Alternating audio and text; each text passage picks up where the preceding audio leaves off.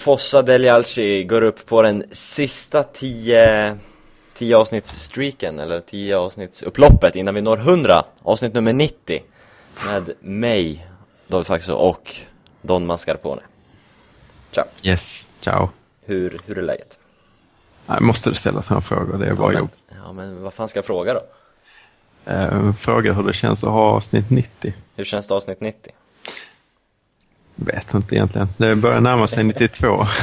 Helt värdelöst intro.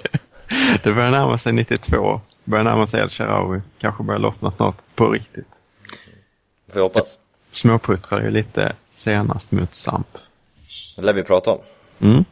Vi lär ju också prata om eh, den stundande matchen för vårt lag.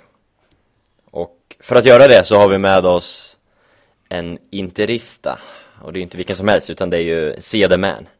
Sia the Man, den första och den enda the Man i Av the Man. Ja, frågan är ju... Släktet. Frågan är ju, det finns ju två i den här podden i alla fall. Ja. Men eh, vi behöver inte diskutera det en gång till. Det har vi redan gjort. Hur mår du? Det är faktiskt bara bra med tanke på omständigheterna. Hur känns det att det är avsnitt 90? Eh, Det känns jävligt bra. Jag känner att jag har bidragit till att ta den här podcasten en, till nivå under de här 90 avsnitten. Och bland alla 90 avsnitten så känns det som att just interavsnitten är det som har bidragit mest till att göra det till 90. Det vet jag inte riktigt om jag skriver under på, men Utöver det så har jag inga speciella känslor för året 90. Eller numret 90. Vad jag kan tänka mig just nu. Så jag får klura på det till slutet av podden. Fint. Du, eh, du har rört lite på dig sen du var med sist tror jag, vad du gör utöver att vara med i Fossa del Alci. Du, eh, Ja, jag har rört mig en jävla massa. vad gör du? Berätta.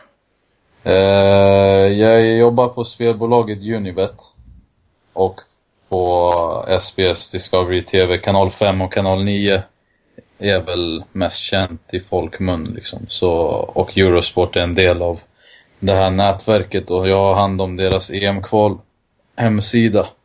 Lägger upp streams och höjdpunkter och sånt där. Med ett jävligt bra gäng där faktiskt.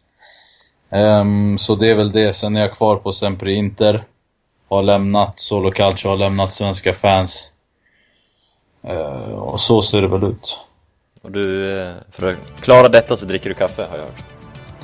Ja, alldeles för mycket kaffe. En jävla koffeinkick på som jag har gått på idag som har helt dåsig, typ som när man är inne på alldeles för många bärs och blandar det med en äcklig shot och bara sväller över eller liksom det är partypoopern. Det är jag om jag dricker en till kaffe idag. Men eh, annars så... Idag har det faktiskt varit bra kaffe. Jag har träffat eh, Danne Hamilton och bra folk idag. Snackat lite Inter men... Eh, och så nu är jag här med er så det, det är väl bra skit. Eh, vi kommer prata utöver derbyt och över, utöver Sampdoria så har vi ett läsarbrev, ett fax även denna vecka. Jag vet inte om Dres, har du klurat på någon ost? Absolut. Du har gjort det? tricolore.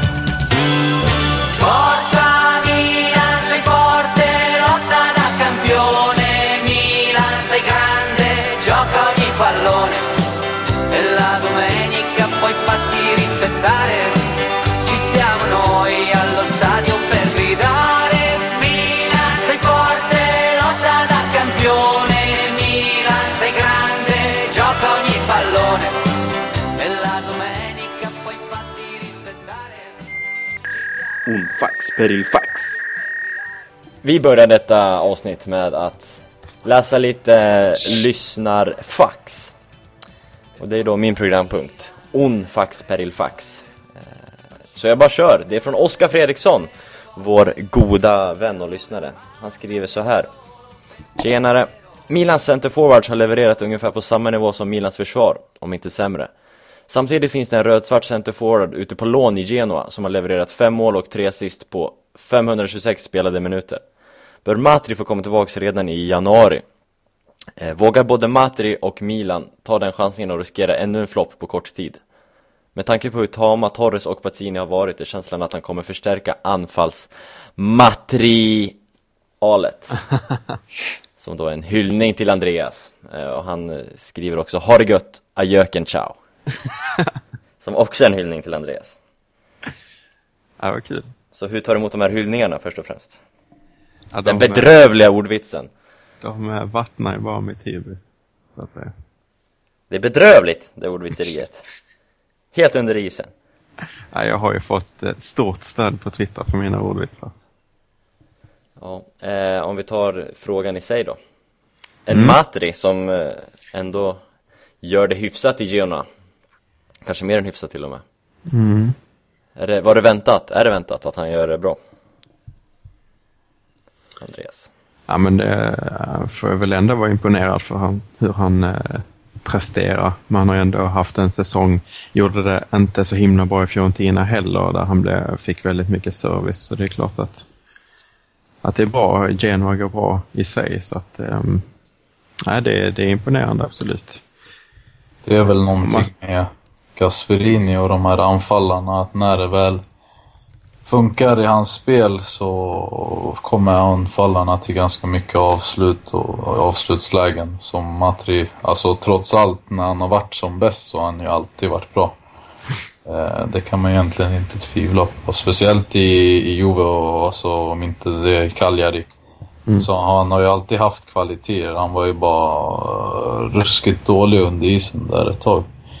Sen om han är eh, egentligen kanske en bättre smålagsspelare än eh, en storlagsspelare eh, kan man ju fråga sig. Men han, alltså det här Gasperini 3-5-2, raka, direkta, ganska snabba anfallsspelet passar honom. Sen han har ju ganska bra leverans på kanterna också. Det är ju den uppenbara känslan för mig också att det är en smålags eller en, en anfallare från de mindre lagen. Sen så sägs det emot lite av hur han presterar i Juventus, men det var ganska speciellt spel kan jag tycka. Mycket eh, kombinationer av anfallarna sinsemellan och det kommer vi ju inte få se i Milan. Eh, förväntar man sig det kombinationsspelet med Menes så, så kommer man bli besviken. Alltså han, egentligen alltså, han var ju en- ju ingen... Alltså han gjorde ju inte...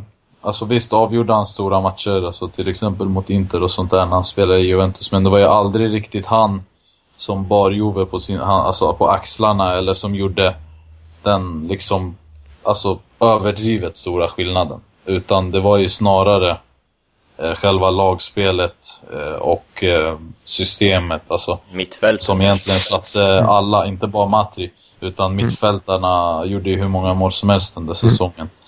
Eh, när de vann där. Och sen så har han ju dalat lite, men han är ju en tacksam spelare att ha för ett lag som Juve som är bäst i ligan, som ibland bara kanske behöver få in en ny typ eller en annan approach. Alltså det är samma med Quagliarella, som jag egentligen håller som en bättre anfallare eh, där och då och nu också, men att de, de är ju tacksamma att komma in och det går knappt att göra dåligt ifrån sig sett hur bra Juve var och är. Alltså jag, tviv, jag tror inte han hade gjort kast ifrån sig om han hade fortsatt i Juve. Men han liksom hamnade under isen, jag kände kanske någonstans att han bytte ner sig, tappade fysiskt tycker jag. Alltså liksom, han var inte fräsch. Han var liksom, kändes, alltså kanske både var överviktig och ur form och I Milan menar du? Ja, men alltså när att han inte liksom fick igång formen både spelmässigt, fysiskt och psykiskt. Att det bara så här, han kände väl att han gick ner sig kanske och behövde en nytändning som han har fått nu. För att nu är han liksom den, the striker. Medan i Milan alltså hamnar han väl i skuggan lite av Balotelli. Ja, inte så lite. Ja. Ja, jag, jag väljer att skriva under på det här. Det var samma resonemang jag hade när jag läste det här mejlet för första gången. Eh, Det finns många, många exempel på spelare som enbart levererar i mindre lag och kanske när man får vara den här huvudfiguren, nyckelpersonen i anfallet. En referenspunkt är ett populärt ord. Men eh, sen ska man också säga att han är inte helt utan konkurrens. Han har ju eh, en personlig favorit, Mauricio Penia. Och, Är det en personlig favorit? Nej, men, Det är en vidrig spelare. nej Man kan, man kan ju inte, vänta nu ska jag också gå in på faxå-linjen här. Man kan ju inte hata Icardi och älska Pinilla. Det är så här, Jo, nu, nu, får, nu lägger vi ner det här. nej, generellt. Eh, chilenare är ju bra grabbar. Det är en bedrövlig, visst han, Ja, jag han var lite charmig där under VM, han var charmig under VM, han tatuerade in, det var kul, men innan dess Det var charmigt. Det tyckte jag kanske var det dummaste jag sett någonsin. Att liksom så här en centimeter från äran, ja. så här, grattis för att du missade. Men, ja, jag vet inte, men jag, jag gillar ju, om jag, alltså sådär rent ytligt och fotbollsspelarmässigt gillar jag honom och det är en spelare som jag hade velat ha i Inter. Alltså både för ett och för två och för tre år sedan har jag velat ha honom. Han Som, känns ju som en interspelare, Penia. Ja, alltså så här, Jag vet inte. Men en, en bad boy liksom. Som man inte riktigt vet vart man har hela tiden. Men, men han är ju skön. Han är bra. Så. Ja, jag tycker det finns en hårfin gräns där med bad boys. Liksom. Vissa är charmiga och andra inte. Det är en bedrövlig spelare. Eller han är, han är helt okej men som spelare. men bedrövlig människa på planen om vi säger så. Tycker han eh, filmar och... Nej. Jag gillar honom Han, eh, inte. Snodd, han, har, han har väl en sån här Icardi-historia också. När han, vem, var det Jiménez fru han snodde? Den har jag missat faktiskt. Ja, jag också. Det har ni nog missat. Men eh, i alla fall så gjorde han det. Eh, snodde han eh, frugan. Mm. Då får jag lite vatten på min kvarn Eller inte snodde, men liksom de, de hade väl en affär. Ja, okej.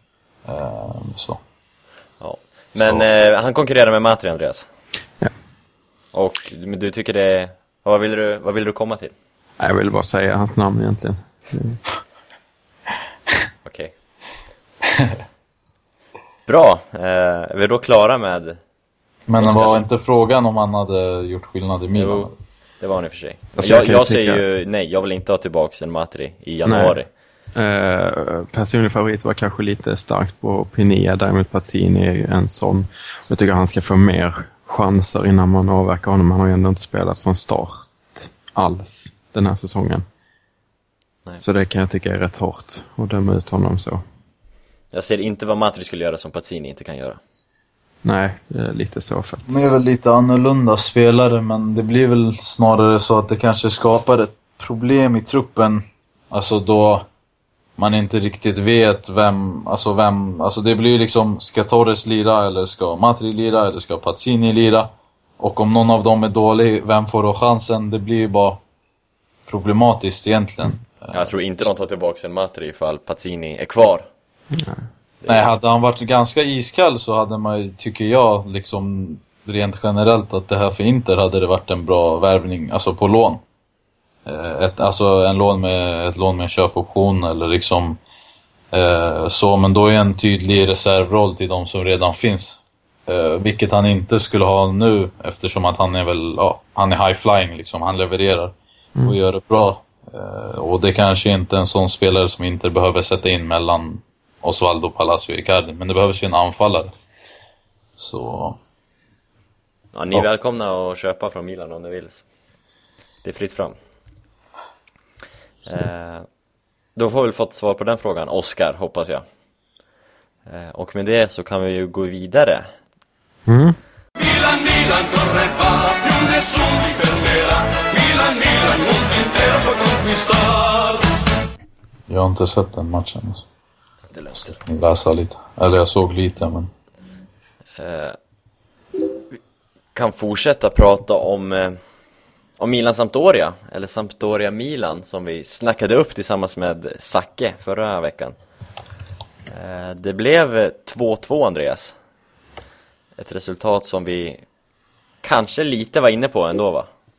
Eller eh, försöker jag förvränga verkligheten då? Nej, men en jämn match eh, var ju känslan på förhand. Och kryss är ju jämnt. Mm. Får man ju konstatera. Eh, väldigt, eh, eller väldigt, men eh, en bra match. Eh, väldigt stor skillnad till Palermo-matchen som var sämst någonsin i stort sett. Så kommer man till en hel, man kommer med en helt annan inställning och man passerar väldigt bra. Ett Samp som också spelar riktigt bra. Det måste varit en kul match för den neutrala tycker jag. verkligen. Även om jag tyckte det var lite jobbigt i Milan, med Milan-ögon ibland, men det var en fartfylld match ändå, för det var Serie A i alla fall. Ja. Eh, så eh, absolut. Att man vill ha en seger och, hänga med i, den striden. Men Samp är bra. Alltså, jag tror de kan, kan hänga på ett bra tag till. Eh, och då är väl ett kryss borta acceptabelt. Får man ju verkligen säga. Eh, hade du några spelinsatser som stack ut positivt som negativt i Milan? Ja, det har jag. Ehm, vi, eh, ja, vi kan egentligen ta det nu. Jag är väldigt uh, förtjust i uh, Giacomo Bonaventura. Mm. Eh, och jag tyckte att det var tydligt när man tänker att han inte spelar mot Palermo att det märktes. Han är väldigt fin eh, i, i sin eh, position. Dels som Metsala. Han har ju funkat både på, i den offensiva talenten men också som Metsala nere på tremanna mittfältet. Eh, och rör sig väldigt, väldigt smidigt där. Um, vet inte om jag ska ta det nu eller ska jag skjuta in min ost här? Jobbigt klipparbete här alltså. Men kör. Mm. Eh, för min eh, ost eh, har lite med det här att göra faktiskt. Men jag hyllar Bonaventura först då. Ehm, han rör sig liksom väldigt fint i... först och främst funkar han bra i det defensiva arbetet som tremanna. Men också i offensiven. Han kan hitta fint ytan mellan backar och mittfält.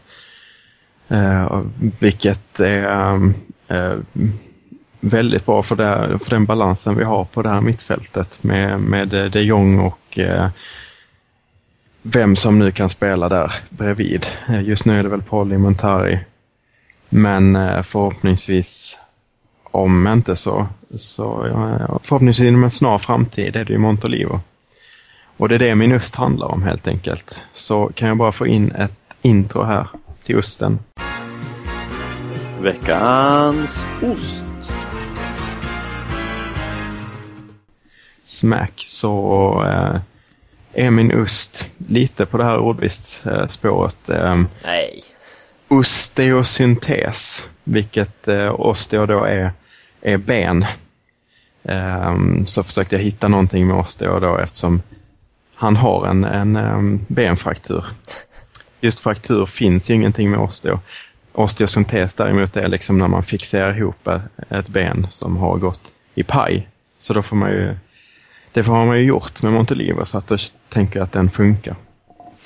Eh, vi får tillbaks vår kapten och eh, han får man ju ändå säga har eh, saknats väldigt mycket. Det är ändå en landslagsspelare, en startspelare i landslaget som var tänkt för VM. Eh, och ett eh, stort avbräck den här början av säsongen. Eh, och jag tror att den här mittfältstridenten med de Jong, Montolivo och Bonaventura kan bli riktigt, riktigt bra just med tanke på att Montolivo dels också är väldigt bred, har en bred repertoar, kan fördela spelet väldigt mycket men kan också fungera väldigt bra som sittande mittfältare. Han springer också mycket och, och står rätt. Så att han kanske kan vända en mittfältstriangel offensivt så att Bonaventura går upp eh, mer åt trequartista-hållet medan eh, Montolivo kan täcka upp bakåt då, leverera fina bollar. Eh, ett väldigt rörligt tremanna mittfält som jag eh, tror kan bli riktigt, riktigt bra. Jag ser fram emot att se den dynamiken på plan. Mm. Eh, så att eh, det är det min höst handlar om egentligen. Lite hopp för framtiden. Du hittade ingen hoppfull ost du kunde trycka in där? Fast nu har jag ju fått det här, eh, det är ju de här ordvitsarna som är så hemskt uppskattade så att... Ja, ni hör ju, det blir ju... Vad säger du Sia? Matchen att El Sharawi fick göra mål. Mm. Om vi ska ja. släppa, släppa den här programpunkten och gå tillbaka till Samp. Mm. Så ja. Det viktigaste att han fick komma tillbaka och göra mål. Alltså det är ju vad fan var det, 600 dagar eller något sånt. Ja, det är inte beslutat för en spelare med de kvaliteterna. Alltså även fast han har varit skadad och sådär. Mm. Så det, det, man såg ju, såg ju på honom hur viktigt det var också när han firade. Ja, han grät väl och sånt där. Eller brast ut i tåren. Det påminner mig lite om Adriano när han hade inte en jävla lång måltorka som han sen ja, bröt och liksom bara grät öppet liksom. Eh, det, jag vet inte, det, det visar ju någonstans hur jävla viktigt det är att göra mål och hur pressen tär på de här spelarna. Så de kan ju snacka hur mycket de vill om att typ Nej men det påverkar inte mig, det kommer inte och sådär. Men det påverkar ju oerhört mycket. Man, man kan inte säga någonting annat, det är ju skitsnack alltså. Och speciellt för en sån som El Sharawi som har gått från att bära Milan på sina axlar till att ha blivit liksom petad och skadad och varit ganska iskall. Eh, Så är det ju ännu viktigare. Och från, eh, gör mål också från eh, Sona El Chiraoui, om man ska kalla den det. Eh, lite som Sona Del Piero Ja, som är eh, lite samma position där han viker in och sen så lägger han i bortre. Eh, El Chiraoui då. Så att, ehm, nej jättekul. Och det är ju, det är ju eh, fint mål han gör också. Ja, alltså det är väl som du sa, typiskt honom. Men ja, alltså angående Samp, jag, vet, alltså jag tycker de är bra. Men jag tycker inte de är så jävla bra. Alltså, jag ser dock varför de inte är det typiska, alltså mittenlaget liksom. Att de, de har någonting mer än det. Alltså de, de har både en attityd och spelare och ett spel som liksom skiljer dem från ett Genoa eller ja, och så vidare och så vidare som ger dem någonting att jag tror att de kommer vara jävligt starka i liksom matcherna mot smålagen. För att de kommer mötas av en mer öppen matchbild och inte kanske straffas så mycket för de har ganska bra spelare men till exempel när de mötte Inter så tyckte jag inte de, de var så jävla bra och jag tror inte att de kommer hålla alltså mot de här eh, Inter, Milan, Juve, Roma med fler. Eh, nu så tog de ju poäng av Roma men Och Milan. jag vet inte om de håller i... Och, Och Milan. ja, ja absolut men jag tror inte de kommer hålla i det längre loppet, speciellt inte på bortaplan. Jag tror inte heller de hänger med tabellmässigt, men det kommer nog fortfarande vara en tuff match att åka bort på. Liksom. Och, och ehm, det är ingenting man, inget ställe man hämtar tre poäng menar jag. Eh, vi, eh, I slutet av matchen så uppmärksammade du på Twitter märkte jag, även Robin Blomé Har jag för mig skrev det, eh, såg att de Jong haltade på slutet Vi skrev Ja, du det? Eller? Ja, det, den ger jag helt till eh, Blomé. All right, då var det han- bara, bara han som skrev det. Eh, och det visade ju sig att den var lite allvarligare än man trodde va? För nu eh, fick han, eller han blev först uttagen i landslaget men fick tacka nej sen direkt. Mm. Eftersom han sträckte sig under den matchen, i slutet där. När van Ginkel inte fick hoppa in. Mm. Eh, så han är ju skadad efter den matchen helt enkelt. Mm. Och tveksam till derbyt. Precis. Min förhoppning, alltså det här är ju ett fruktansvärt tungt tapp om han skulle missa.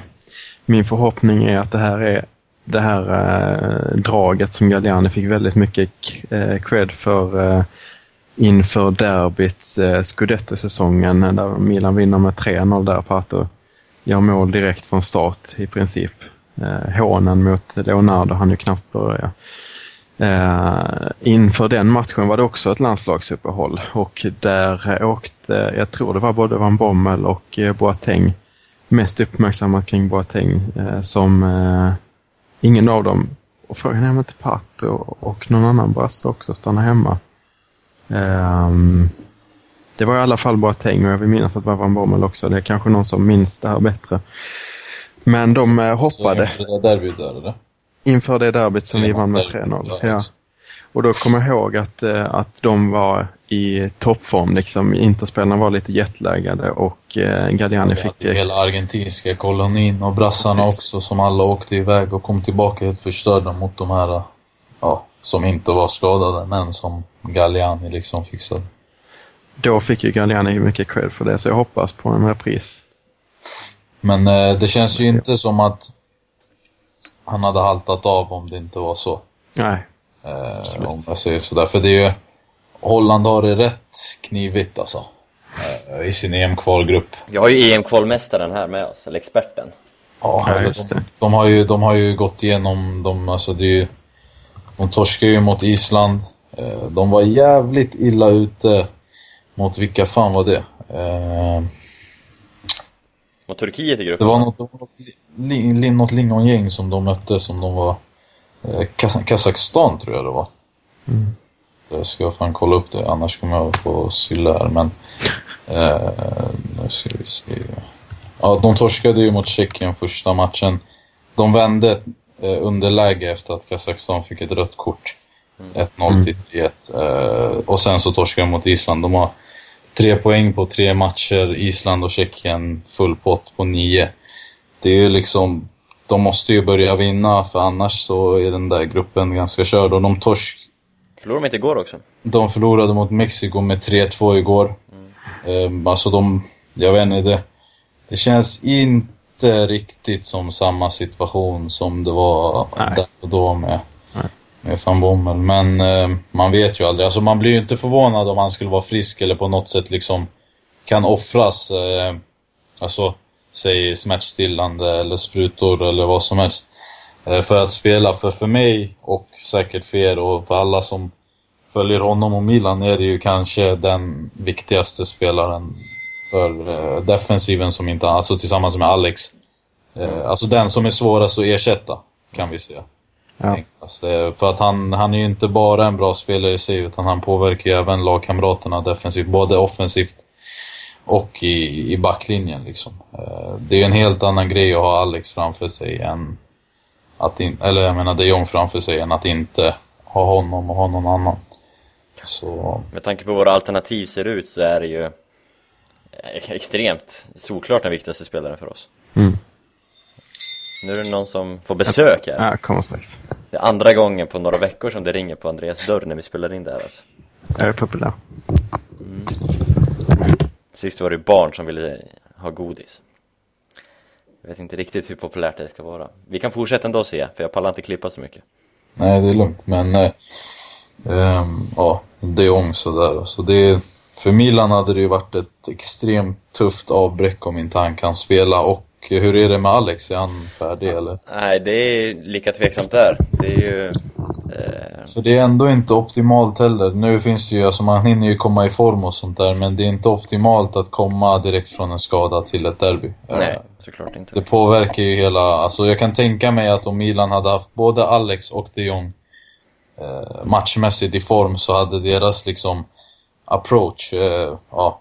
De hade tagit sig an matchen mer självsäkra, mer liksom eh, offensivt kan jag tänka mig och mycket mer, eh, med mycket mer förtroende för sig själva. Men när de två har varit lite machotränade då kanske Milan väljer en annan approach för att liksom dölja deras machoträning. Alltså de, de kanske kör lite mer avvaktande och då behöver inte de här ta ut sig lika mycket. Vilket eh, kan påverka. Men det återstår att se. Ja, det, är, det är ändå inte en optimal situation. Då är de just defensiva. Alltså offensiven för Milan, spelarmässigt så är det ju inga problem. Det är ju duktiga lirare. De behöver bara ha en bra dag liksom. Och de kan lösa det på egen hand. Men just i defensiven, organisationsmässigt, taktiskt, eh, ja allt sånt där. Så är det extremt viktigt att de bästa spelarna spelar. Speciellt med en tränare som är så oerfaren som Inzaghi är. Det är bara att kolla ganska snabbt exempel på typ Stramaccioni i Inter när han hade Samuel och när han inte hade Samuel. Eller när han hade Cambiasso eller när han inte hade Cambiasso. Det blir så extremt stor skillnad för du behöver inte lära de här spelarna någonting. De vet redan och de täcker upp för Inzagis brister. Men när de är borta så kanske det syns ännu mer att Inzaghi är grön. Och det blir ju liksom ett dråpslag. Mm, absolut. Det är, det är bara att skriva Inte- under. Inte Abate också? Abate har den hälsenan som spökar också. Så Abonnera är avstängd så att det är Pauli som är favorit på... Uh, Essien läste jag idag på Milan News. Som spelade där i Real Madrid, gjorde ja, han. just det, det gjorde han ja. Mm. Högerback. Mm. Eh, Men vi, kan, vi, vi, vi har ju kommit in på det, så vi kör direkt eh, Milans, ja, det som återstår av Milans skadeläge, det som återstår av Milans backlinje och mittfält kanske. Mm. Eh, vi saknar som sagt Abate, som sägs missa. Han är väl nästan mer klar att missa än de Jong och Alex. Mm. Känns som nu i alla fall, man vet ju inte all, riktigt med Milan så. Eh, men Abate känns ju rätt out tyvärr. Och ja, som sagt, Pauli har det pratats om, det har pratats om Essien och det har pratats om Zapata ut på kanten. Andreas Persson, vem eh, av den tridenten? Då har i och för sig några Sacardo och Armero är väl också alternativ för att flytta över. Ja, det är väldigt intressant. Eh, Armero just var ute och pratade om att han eh, kom till Milan som Inzagis val och inte har fått spela någonting. Tyckte det var väldigt märkligt. Eh, och man kan ju tycka att det är märkligt att han inte nämns i diskussionen överhuvudtaget, just nu i alla fall. Eh, att De Chilio går till höger, som är högerfotad och att Armero ställer, spelar till vänster. Det är ju, alltså, jag tycker det är konstigt om du liksom... Då, då, det, så- det är en öppen sågning av den egna spelaren om du... Eh, om du tar, vad heter det? Om du tar en spelare som inte är van i den rollen eller inte ens spelar på den positionen, alltså till och med en mittfältare. Mm. Alltså okej om det är en liksom, säg Zanetti eller säg ja, till och med Kivo eller vem som helst som är en mångsidig som har erfarenheten av att spela på mycket olika positioner, visst. Men är det inte det och det inte är så här högerback till högerytter, då tycker jag det är ganska skumt att inte spela Armero. Då har du bara... Eh, då har du helt ärligt bara... Eh, vad heter det? Ja, du har sågat honom eh, framför alla. Helt enkelt. Ja, nu går ju Armero ut och sågar tillbaks.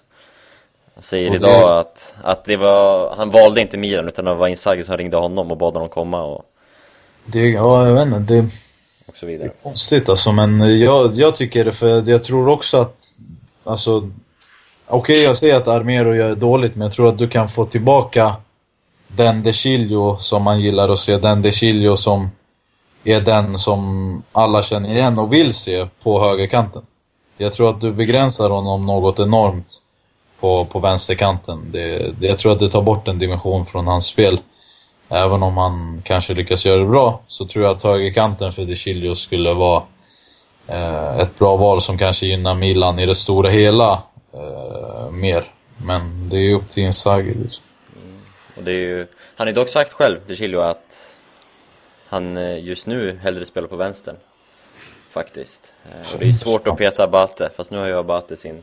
Det känns, det känns som en sån jävla mediatränad grej att säga. Visst kan det vara så. Eh, I brist på alternativ, alltså det är ju bara Abate och De Chilio som, som kan spela i princip. Det andra känns ju så... Alternativen är så dåliga, så det är väl klart att De Chilio säger att han vill spela vänster kanske. Som du säger. Eh, Men nu, eh, Abate är inte med, eh, Andreas. Eh, och då har vi... Ja, Armero är rätt out of discussion alltså. Så det är Pauli, SCN, Zapata just nu. Vad väljer du? Vi har ju sett Pali eh, någon gång och jag, visst har jag sett SCN någon gång också i Real Madrid. Jag kan inte riktigt eh, sätta fingret på de matcherna just nu. Det, det känns rätt så... Eh, ja, det är svårt att säga. Jag har sett dem så lite på de positionerna. Får jag ju villigt erkänna. Zapata, Zapata var ju, spelade högerback några gånger i Villarreal. Mm, Och han känns väl, det är ett defensivt val såklart. mm. Jag vet inte om man ska stänga igen, stänga igen vänsterkanten. Vem har ni på vänsterkanten? Är det Dodo eller? Se. Ja, Ja. det är det. det är det. Om inte Jonathan är frisk och Nagatomo går över. Men jag alltså det borde vara, det borde vara Dodo.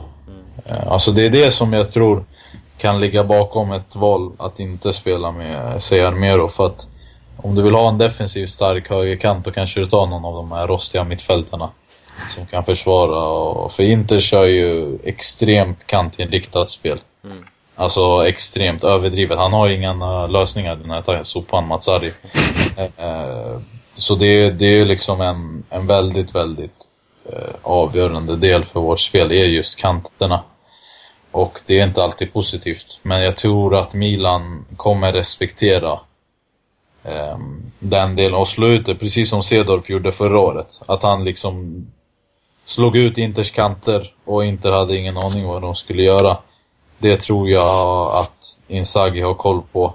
Och det tror jag att de kommer göra. Så att jag tror att vilket val det än är på högerkanten kommer inte vara för att gynna Milans offensiv. Eh, utan det kommer att vara för att ge er högerkantspelare fritt. Alltså en fri roll på den kanten för att attackera ytorna eh, bakom våra anfallande ytterbackar. Så jag tror bara att de, de kommer i princip spela med vem som helst. Eh, som kan göra det som Inzaghi kräver så att de kan ge fri roll på högerkanten och eh, såra Inter där Inter är som mest sårbara. Tycker Det är ju bara att kolla förra matchen Inter spelade mot Hellas så eh, släpper vi in mål på den kanten. Efter att då och då Juan går bort sig. Så det borde Inzaghi ha koll på och utnyttja. Det eh, handlar ju också väldigt mycket nu när- om man bara tänker efter så, så vad har vi för alternativ på mittfältet överhuvudtaget? Eh, Montari är också borta ju. Han är ju, ja, Eh. han känns som Alex och de Jong ungefär. Lite 50-50. Ja. ehm, och är han borta så, så har vi inga mittfältare om vi ska plocka ner någon. Då är det Bonaventura känns ju stensäker där på mittfältet. Eh, sen kommer ju Van Ginkel kommer få chansen. Eh, för det finns ju ingen annan. Om de här eh, är frånvarande då. Ja, Saponara finns också. Saponar finns också men det är Han väldigt känns ofta- för lik Bonaventura på något vis. Ja, och eh, då är frågan om Van Ginkel ska vara sittande mittfältare eller ska SCN kliva in och vara sittande? Det är väldigt, det ser väldigt klent Det- ut får man ju säga. Det är alltså, känns ju någonstans som att är derby så kommer det bli erfarenhet och liksom kyla som räknas. Sen beroende på hur matchen går så känns ju Van Ginkel som en bra spelare att få in från, eh, från bänken liksom. Just nu när jag tänker på det så känns, men det, det är ju en spontan reaktion är väl att Essien hade jag nog helst tagit på, på backen och sen så haft ett mittfält med eh, Pauli, Van Ginkel och Bonaventura. Och sen så eh, kom, hjälper de här tre manna mittfältet hjälper ju väldigt mycket eh, kantspelarna, eh, eller backarna. Eh, för att Honda och El Shaarawy jobbar väldigt mycket tillbaka. Så på det sättet så kan man ju täcka rätt så mycket av Inters kantspel. Men det är, mm, det är förutsatt att det är värsta möjliga läge att de Jong missar, att Montari missar Och Abate missar. och Abate. Ja, det är, det är inte optimalt att ha en podcast och diskutera formationer så här, vad blir det, en och en halv vecka innan. Ja, det är väldigt spekulativt. Vi lär ju Ja. köra en innan matchen också, som kanske är lite mer aktuell. Det, borde, det känns ju bättre. Alltså. Men det är, det är samma för Inter också. Det är mycket skador. Det är, alltså, det är ju tragiska startelvor för att vara ett Milan-derby. Alltså. Det är Mm. helt jävla bisarrt dåliga spelare på planen. Alltså. Ehm, Det med, alltså förra årets matcher var ju extremt dåliga. Alltså det var de två sämsta fotbollsmatcherna jag sett någonsin live tror jag. Och då jämför jag med Allsvenskan och division 4 och allt Brukar inte du vara på BP rätt ofta? Jo, exakt. Men liksom det var... Fotbollsmässigt var det ju liksom extremt dåligt.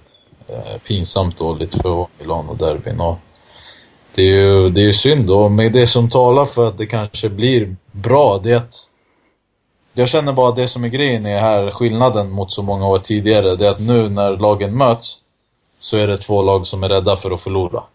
Och matchbilden blir liksom en, ett resultat av det där det är bara fasta situationer och individuella prestationer som krävs för att låsa upp matcherna. Medan tidigare, alltså om vi kollar bara fem år tillbaka, så, eller fyra år eller till och med två år så fanns det ju liksom spelare som Zlatan eller Milito i toppform eller Schneider eller Boateng eller vad vet jag. Alla de här namnen som gjorde att både Milan och Inter kom till matchen med intentionen att vinna. Att försöka vinna matchen till alla pris. Och det har ju påverkat matchen alltså negativt för att nu är det ju bara rädsla av att förlora för att du kan ryka som tränare och det är ju hur jävla synd som helst. Dock, med tanke på i år så känns det ju som att nu, speciellt den här matchen, alltså in, Milan har Menes, Torres och El Sharawi som kan ställa till med exakt vad som helst. Inter har liksom eh, ja, Palacio, Icardi, Kovacic, Hernanes som kan skapa och göra en målchans från ingenting. Och det kombinerat med två ruskigt dåliga försvar känns ju som att det är upplagt för att det ska bli mål och liksom på grund av att de är så dåliga. Så jag hoppas på en, på en sån matchbild, men om alla båda två fegar då, då blir det ju bara pannkaka av det hela liksom. Eh, Ska vi prata om, det är frågan, om vi ska prata om din relation och dina tankar kring Matsari. Du var inne på det lite snabbt alltså. Vad Men vi kan, du? väl, eh, vi kan väl börja med att Kan vi bara gå snacka om igenom. tränarna i allmänt? Ja, varför inte? Eh, Jag är lite nyfiken på Inter. Alltså lite samma genomgång som vi har gjort med Milan. Det, formen är inte på topp. Nej. Ehm, Men eh, vi- visst börjar med Matsari. Ja, fråga något. Eller alltså, ska jag bara gå in på det? Vad tycker du om Walter Mazzari? Alltså han är ju svår att gilla. han var svår att gilla även när han var som bäst i Napoli. Och när han stod för liksom bragder där. Så jag, jag, jag vill se, jag, sa, jag har sagt det på vår andra podcast. Men ehm, liksom om, om Walter Mazzari vinner en scudetto med Inter så firar jag dagen han lämnar mer än titeln. Eh, det går, man kommer liksom ingen vart med honom. Och han, han vägrar ju inse sina problem och sina fel och det finns alltid något jävla eh, vänster som han ska gnälla på. Alltså, när han, alltså förra veckan, du vet, han bara drog upp så här. Och sen började det regna! Och alla bara så här, ärligt talat, du vet, vad, vad är det med dig alltså? Sa han så där på riktigt? Man kan ju tro att det är ett skämt liksom. Det är så här, ja men han brukar vara gnällig så nu gör vi en jävla eh, wine om honom där han liksom står och gnäller på regnet. Men det är ju på riktigt. Och sen så tycker jag inte att han gör det bästa av materialet. Alltså jag, jag tycker ärligt talat att Inter har ett spe, alltså spelarmaterial som inte ska förlora med 4-1 hemma mot Cagliari. Som inte ska torska med 2-0 mot Fiorentina utan att ta ett skott på mål. Som absolut inte ska torska mot Parma som hade torskat sju matcher i rad med 2-0 utan att ha ett skott på mål. Jag tycker inte han får ut det bästa av laget. Jag tycker han är en stenålderstränare som bara kan spela på ett sätt och med en metod. Och jag tycker inte att han har någonstans blivit en del av klubben Inter och miljön Inter. Alltså, han är... Han har ingenting som gör honom liksom till en del av vår klubb och vår mentalitet och vår, vårt sätt att vara, vårt sätt att se Inter, vårt sätt att liksom hålla på laget. Så han har skapat en sorts distans mellan sig själv och supportrarna och hela, vad säger man, piazzan liksom. Mm. Eh, och det har han gjort helt på egen hand för att Inter, kanske till skillnad från Milan, eh, som är vana med att ha storslagna spelare, som är vana med att ha ett storlag och som har ganska kräsna supportrar, har alltid varit ett lag som haft supportrar som är starka i motgång. Som, eh, som har varit bäst i Serie A publiksnittsmässigt. Även fast vi har varit skit. Som har tolererat liksom det ena och det andra. Men i år, alltså, om man kollar på publiksiffrorna, det är katastrof. Han blir utvisslad varje, varje match i princip. Så han har... Jag vet inte, han, han gör mig ganska deppig om jag ska vara ärlig. Speakern eh, kör ju inte hans namn längre, eller det var någon match Eh, han hans i kör alla typ... fall. Eh, och här är Walter Mazzaris män. Alltså här är Walter Mazzaris elva. Eh, Ja, alltså, istället för att eh, tränare Walter Mazzari. Ah, Så de har ju dribblat det på ett sätt för att liksom... Sen så Mm, tycker inte jag busvisslingarna är rätt heller. Men det är en annan fråga. Men Mm. vad ska man göra? Det han, ja, när han kom in så tänkte jag liksom... Okej, han kommer få ut det mesta. Vi kommer bli ett kontringsstarkt lag. Han kommer höja värdet på många av våra spelare och kanske göra Kovacic till en Hamsik eh, och sånt där. Men det finns knappt en enda spelare som Walter Mazzari har kommit in och höjt värdet på. Alltså att liksom förädlat så att man kan sälja dem dyrt eller göra någonting. Snarare, ja, tvärtom egentligen. Så det kantspelarna har väl eh, blivit bättre, eller? Vadå? Kantspelarna har väl ändå höjts i, i anseende. Ja, helt okej. Alltså Jonathan har ju blivit människa liksom. Ja. Och han är väl viktig för Mazzari, men... Ja, då, alltså, då då är ung och han levererar och sånt där. Nagatomo är väl helt okej. Men man förväntade ju sig att han någonstans skulle få ut det mesta och överprestera som han alltid har gjort. Men Absolut. han har inte gjort det. Det har blivit en liksom krock, alltså en, en liksom krock mellan vad Inter är och vad han är. För att man kan, man kan gnugga hur mycket som helst på att Inter är en loserklubb och att det finns en losermentalitet i klubben jämfört med Milan och Juve. Fram och tillbaka. Men det finns ett faktum som kvarstår att det är en klubb som inte kan nöja sig med vissa resultat. Och Nej, det är en klubb som inte kan nöja sig med framförallt en viss mentalitet.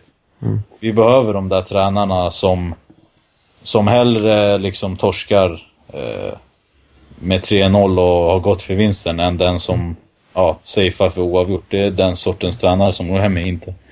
Så han, han är bara, ja, han är bedrövlig helt enkelt. Men ska man göra? Han är bäst betald i ligan också. Vi kan inte ens göra oss av med honom. Det är, det är en bisarr situation vi har satt oss i, för han förlängde ju nyss också. Men om man frågar, är det, är det enbart Mats Harris fel att eh, det gått så dåligt som det gjort i år? Eller är det är laget så dåligt? Alltså jag tror att det är också ett resultat av att ehm, det, har, det har skett en jättestor förändring. Alltså det har... Det har gjort det av med spelare som Zanetti, Cambiasso, Samuel, Milito. Ehm, alltså de, de har liksom helt och hållet lämnat klubben. Eh, de finns inte och sen har du ersatt dem kanske med, med unga spelare och spelare som inte har samma kvalitet. Och eh, ja, jag tror att det också bidrar väldigt mycket. Är han tilltänkta ledare där bak som skulle ersätta på planen? Ja. Eh, Vidic. Ja, exakt. Alltså, jag, jag tycker kritiken mot honom är överdriven, men han har ju helt klart gjort några idiotiska grejer. Alltså. Men han ska ju inte spela, alltså, det är ju det som är grejen också. Hur fan ska du locka spelare när det är så här, ja men kom till Inter så får du spela i en trebackslinje och med skitdåliga spelare runt omkring dig som bara sätter dig i problem. Det är så här, ingen... Jag skulle aldrig gå till Inter som fotbollsspelare. Om jag inte hade haft Mats Sarri tidigare eller kände igen honom från Italien. Eller kom från en bottenklubb eller som Medell kommer från Cardiff. Liksom. Det är den typen av spelare man kan ta. Eh, Mats Sarri liksom har ju... Alltså han ska ju inte lära Vidic hur fan Vidic ska spela en trebackslinje. Vidic ska egentligen lära honom vad fan fotboll är liksom. Eh, det, det är där för mig det felar, för det... Du ska ju... Vidic är en fyrbackslinjespelare. Han har vunnit fan allt som går att vinna med United. Ska Matsari komma så här, nu ska du lära dig spela trebackslinje. Och det är det också för Vidic, som man kanske inte ser från TV, men han hamnar ju oftast i jävligt svåra situationer för att han måste täcka upp för Nagatomo eller Joel Obi som vi har haft på högerkanten eller Mbaye eller ja.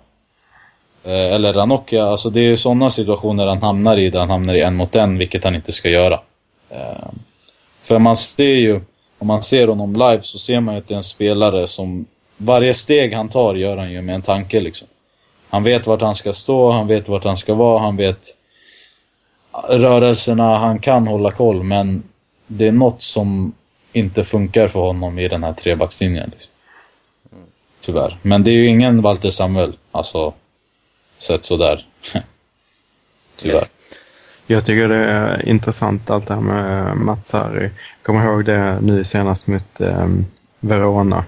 Um, och så den matchen, ser att Medell blev utvisad i 51 eller uh, Ja. eh, något sånt. Eh, och eh, Mats Harry, visst han byter ut Kovacic, men det kan man ju Ja. köpa liksom för att få rätt på balansen. Men ha kvar två anfallare eh, nästan hela matchen och jag tänkte twit- precis twittra ut liksom, vad är det som händer liksom? Vad, Mats Harry Han har gjorde sådär mot Cagliari också. Du vet, jag tycker det är så här, det känns som så här.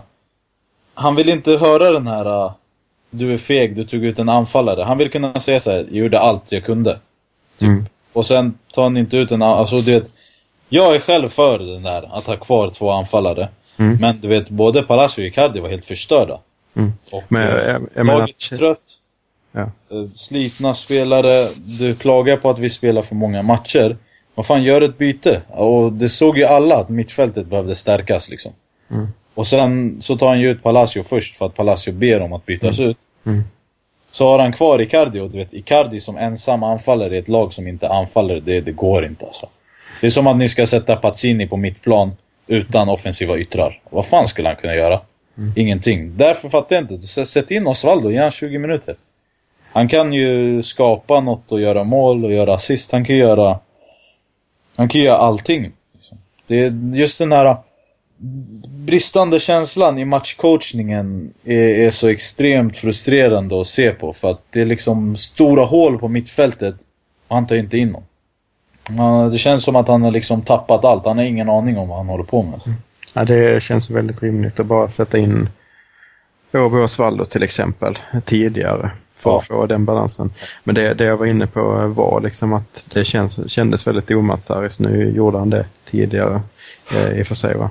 Men så, så Ja. byter han ut Palacio 87 och 89 så kvitterar Hellas. När de inte ens kunde andas längre. När de inte Nej. kan gå. Det, det är helt sjukt. Ja.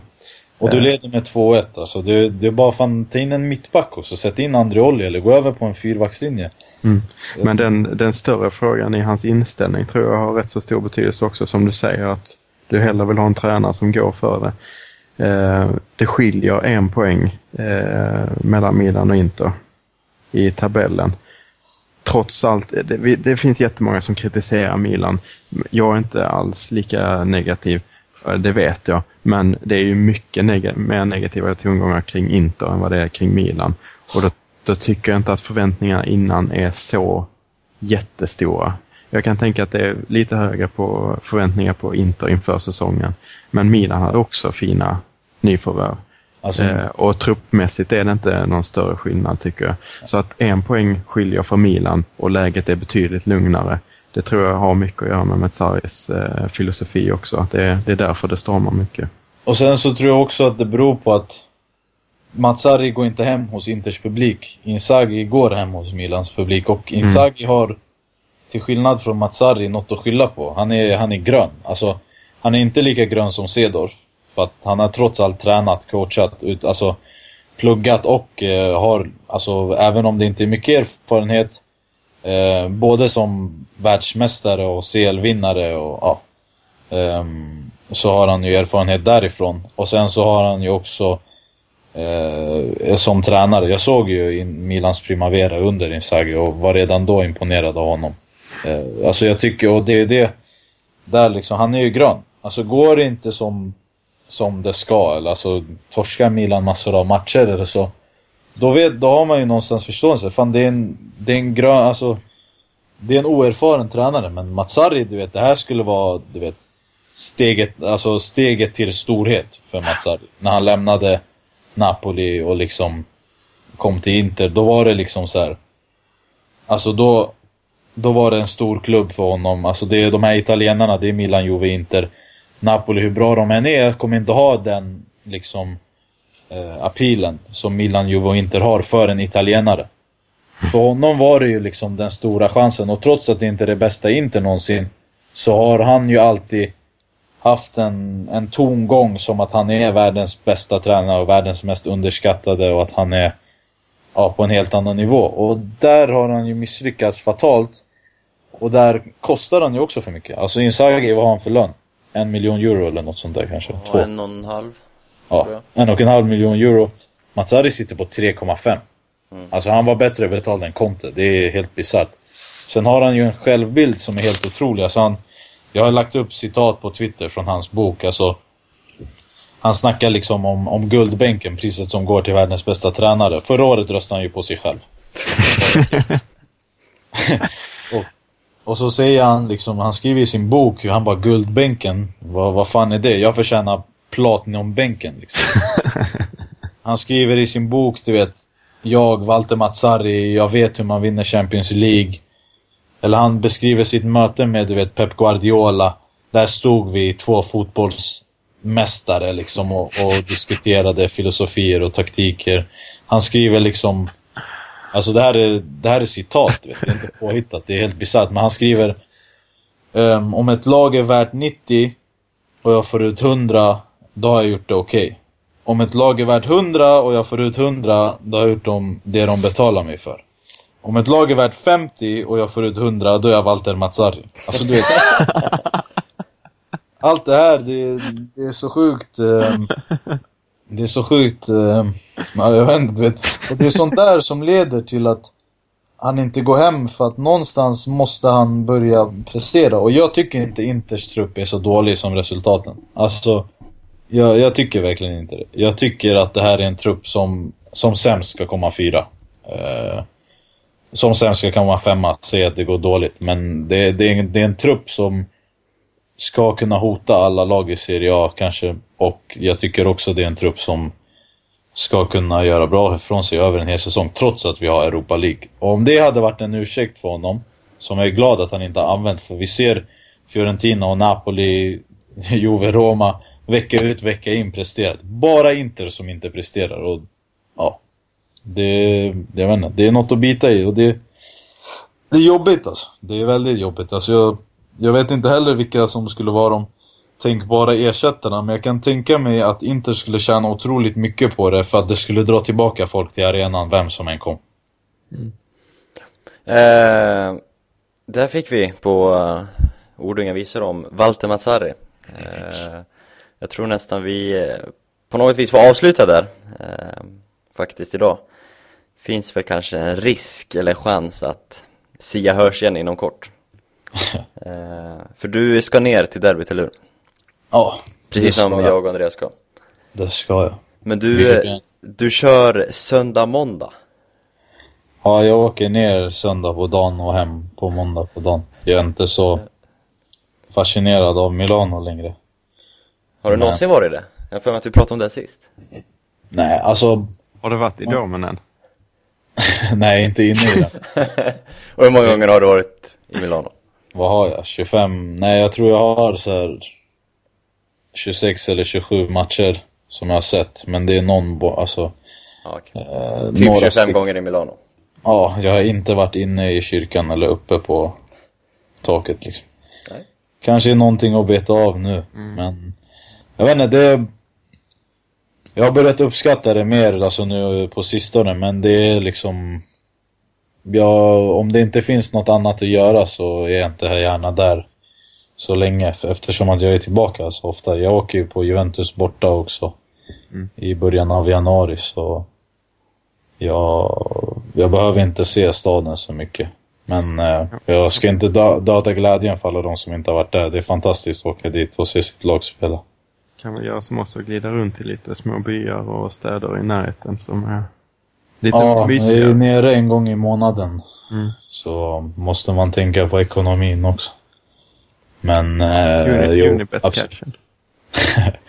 Nej men absolut. Det, om, ja, nu åkte jag ensam, det är det som är grejen. Det finns ju ingen annan som ska med. Och när man har någon med sig, då är det en helt annan sak. Då kanske man försöker sikta in sig på en mer dag eller något sånt där för att se en annan match eller göra något skoj eller träffa några kompisar. Men nu, det är borta derby också så det är inte så många som kommer gå som jag känner. Så åka ner, göra mitt, åka ut, hem. Så kan man också gå på fotboll. Jag och Andreas, vi åker fredag, måndag va? Mm. Det lite, lite längre besöket. Mm. Atalanta-Roma klämmer vi in där den hatmatchen. Biljetter fixade faktiskt. Mm. Hur fan löste ni det? Hoppas på stridsvagnar och grejer. Atalanta hade en rätt smidig hemsida där de sålde. Så det var, Ja, eller det- sin egen hemsida helt enkelt. Fan vad bra. Så det är klart. Derbybiljetterna släpps i övermorgon va? De släpps på eh, måndag morgon, eller måndag, ja. Var det inte den 15? Jo. Eller vad fan var det nu? Jo, det var den 15. Ah, okej. Jag har ju den här, äh, alltså det rekommenderar jag. vet inte hur det funkar för Milan. Men jag har den här äh, Inters motsvarighet till Cuore Rossonero och Tessa, alltså Tessa de Tifoso, Mm. så Siamo Noi-kortet. Alltså det är det smidigaste som finns. Alltså jag tackar gud för att Tohir har kommit in och fixat upp allt det här. Men Alltså, eh, det får man faktiskt tacka Barbara för också. Det enda jag tackar Barbara för. För hon, nu är det det är som att boka biobiljetter. Ja. Liksom, du klickar in dina platser på hemsidan. Det är helt bisarrt. Eh, men det du kan det få biljetten hemskickad och sånt där. ja, För Mm. Du skriver ut den hemma. Och, alltså jag gillar ju de här pappersbiljetterna. Mm. Men du kan ju skicka, du får den, jag laddar bara på den på mitt kort. Eh, magiskt. Men har du den där Cuore Rossonero, då har du ju första tjing på alla biljetter liksom. Precis. Ganska Men långt innan. Men man behöver inte ens kvar och ner nu för att köpa i kurvan. Så att det går framåt faktiskt. Det var det, det var det, så där var det för Inter också i början när de öppnade det här nya biljettsystemet. Då kunde, då var det inte klackbiljetter tillgängliga. Men nu är klackbiljetterna tillgängliga där också. Så det, Det är det är bra grejer alltså. Men, eh, och sen så, alltså sådana här resor, det är ju bara, speciellt nu som läget är i lagen. Det finns ju inte en chans att San Siro säljer slut. Alltså på, förutom på matchdagen liksom. Mm. Så vi får se vad som händer. Men det, det är mitt tips till alla som vill ner och se matcher. Fixa de här korten eh, och håll koll på hemsidan bara, så kan ni fixa biljetter. Lite enkelt. 15, det är helt rätt för de som inte har Corre Rossonero. Så är det den 15. Var fan sitter ni? Eh, vi har väl inte riktigt bestämt. Andreas är ju väldigt sugen på kurvan. Om det finns platser kvar. Ni kommer ha en bra utsikt då eller? Det är så? Alltså jag menar över Intersklack. Ja, jag, jag förstod det. Eh, vi får se. Eh, Om ni fotar oss så kan jag fota er. Ja, okej. Deal. Bra. Eh, Sia, tack för att du var med idag. Tack själv. Eh, Andreas. Jag måste bara eh, avsluta med en grej som jag absolut inte vill se i derbyt. Och det är de här jävla tendenserna till att dra på sig fruktansvärda mängder med frisparkar. Ehm, nu är det, alltså Hernanes är väl ingen, det är ingen topp i världen men det är ju en eh, helt okej frisparksskytt. Bra till och med, absolut. Uh, alltså det är Milans uppenbara svaga sida. Vi får ju inte rätt på det och försvara mot fasta situationer och uh, frisparkar.